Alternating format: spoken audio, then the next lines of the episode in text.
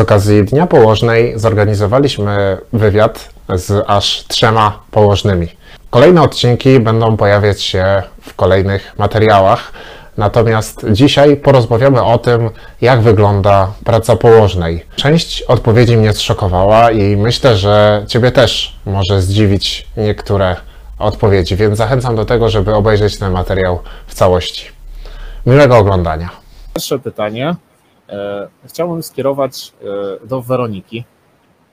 Okej. Mm, Weronika, e, jakbyś mogła się podzielić właśnie e, swoimi przemyśleniami na temat tego, jak wygląda praca położnej e, w dzisiejszych czasach. Czy, e, czy ona się różni od tego, jak to wyglądało dawniej, czy, czy może masz w ogóle jakieś informacje właśnie, jak to wyglądało dawniej, czy, czy Cię to interesowało?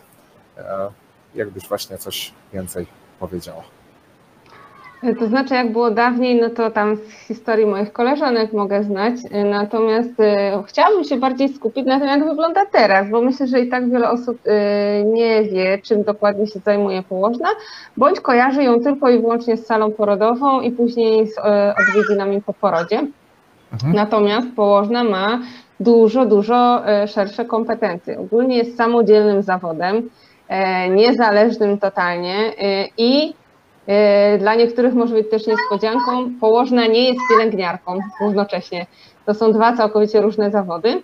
E, I co położna oferuje? Tak naprawdę opiekę nad kobietą od narodzin do późnej starości.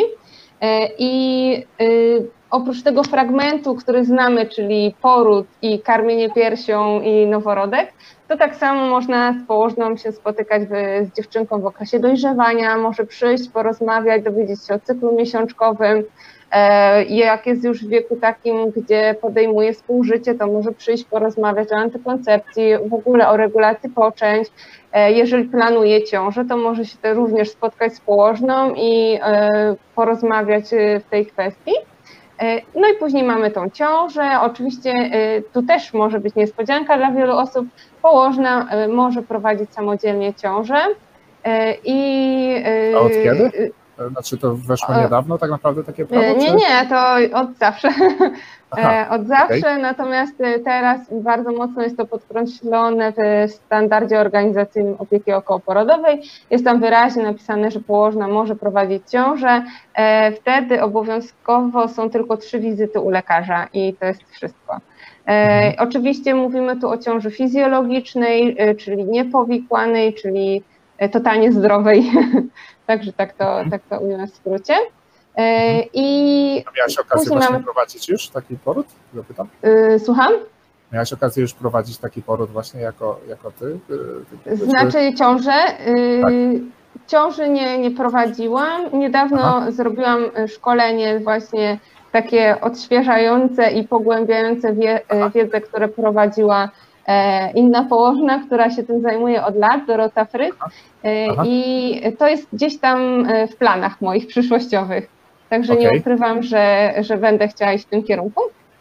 Ale wracając do tego, czym jeszcze się zajmuje położna, e, to już jak ma, jesteśmy po tym porodzie, e, to chcę, żebyście też wszyscy wiedzieli, że położna również e, edukuje w zakresie e, chorób nowotworowych, szczególnie jeżeli chodzi o raka szyjki macicy czy choroby piersi. E, I tutaj e, również pobiera cytologię samodzielnie, to nie musi być tylko i wyłącznie w gabinecie u lekarza ginekologa.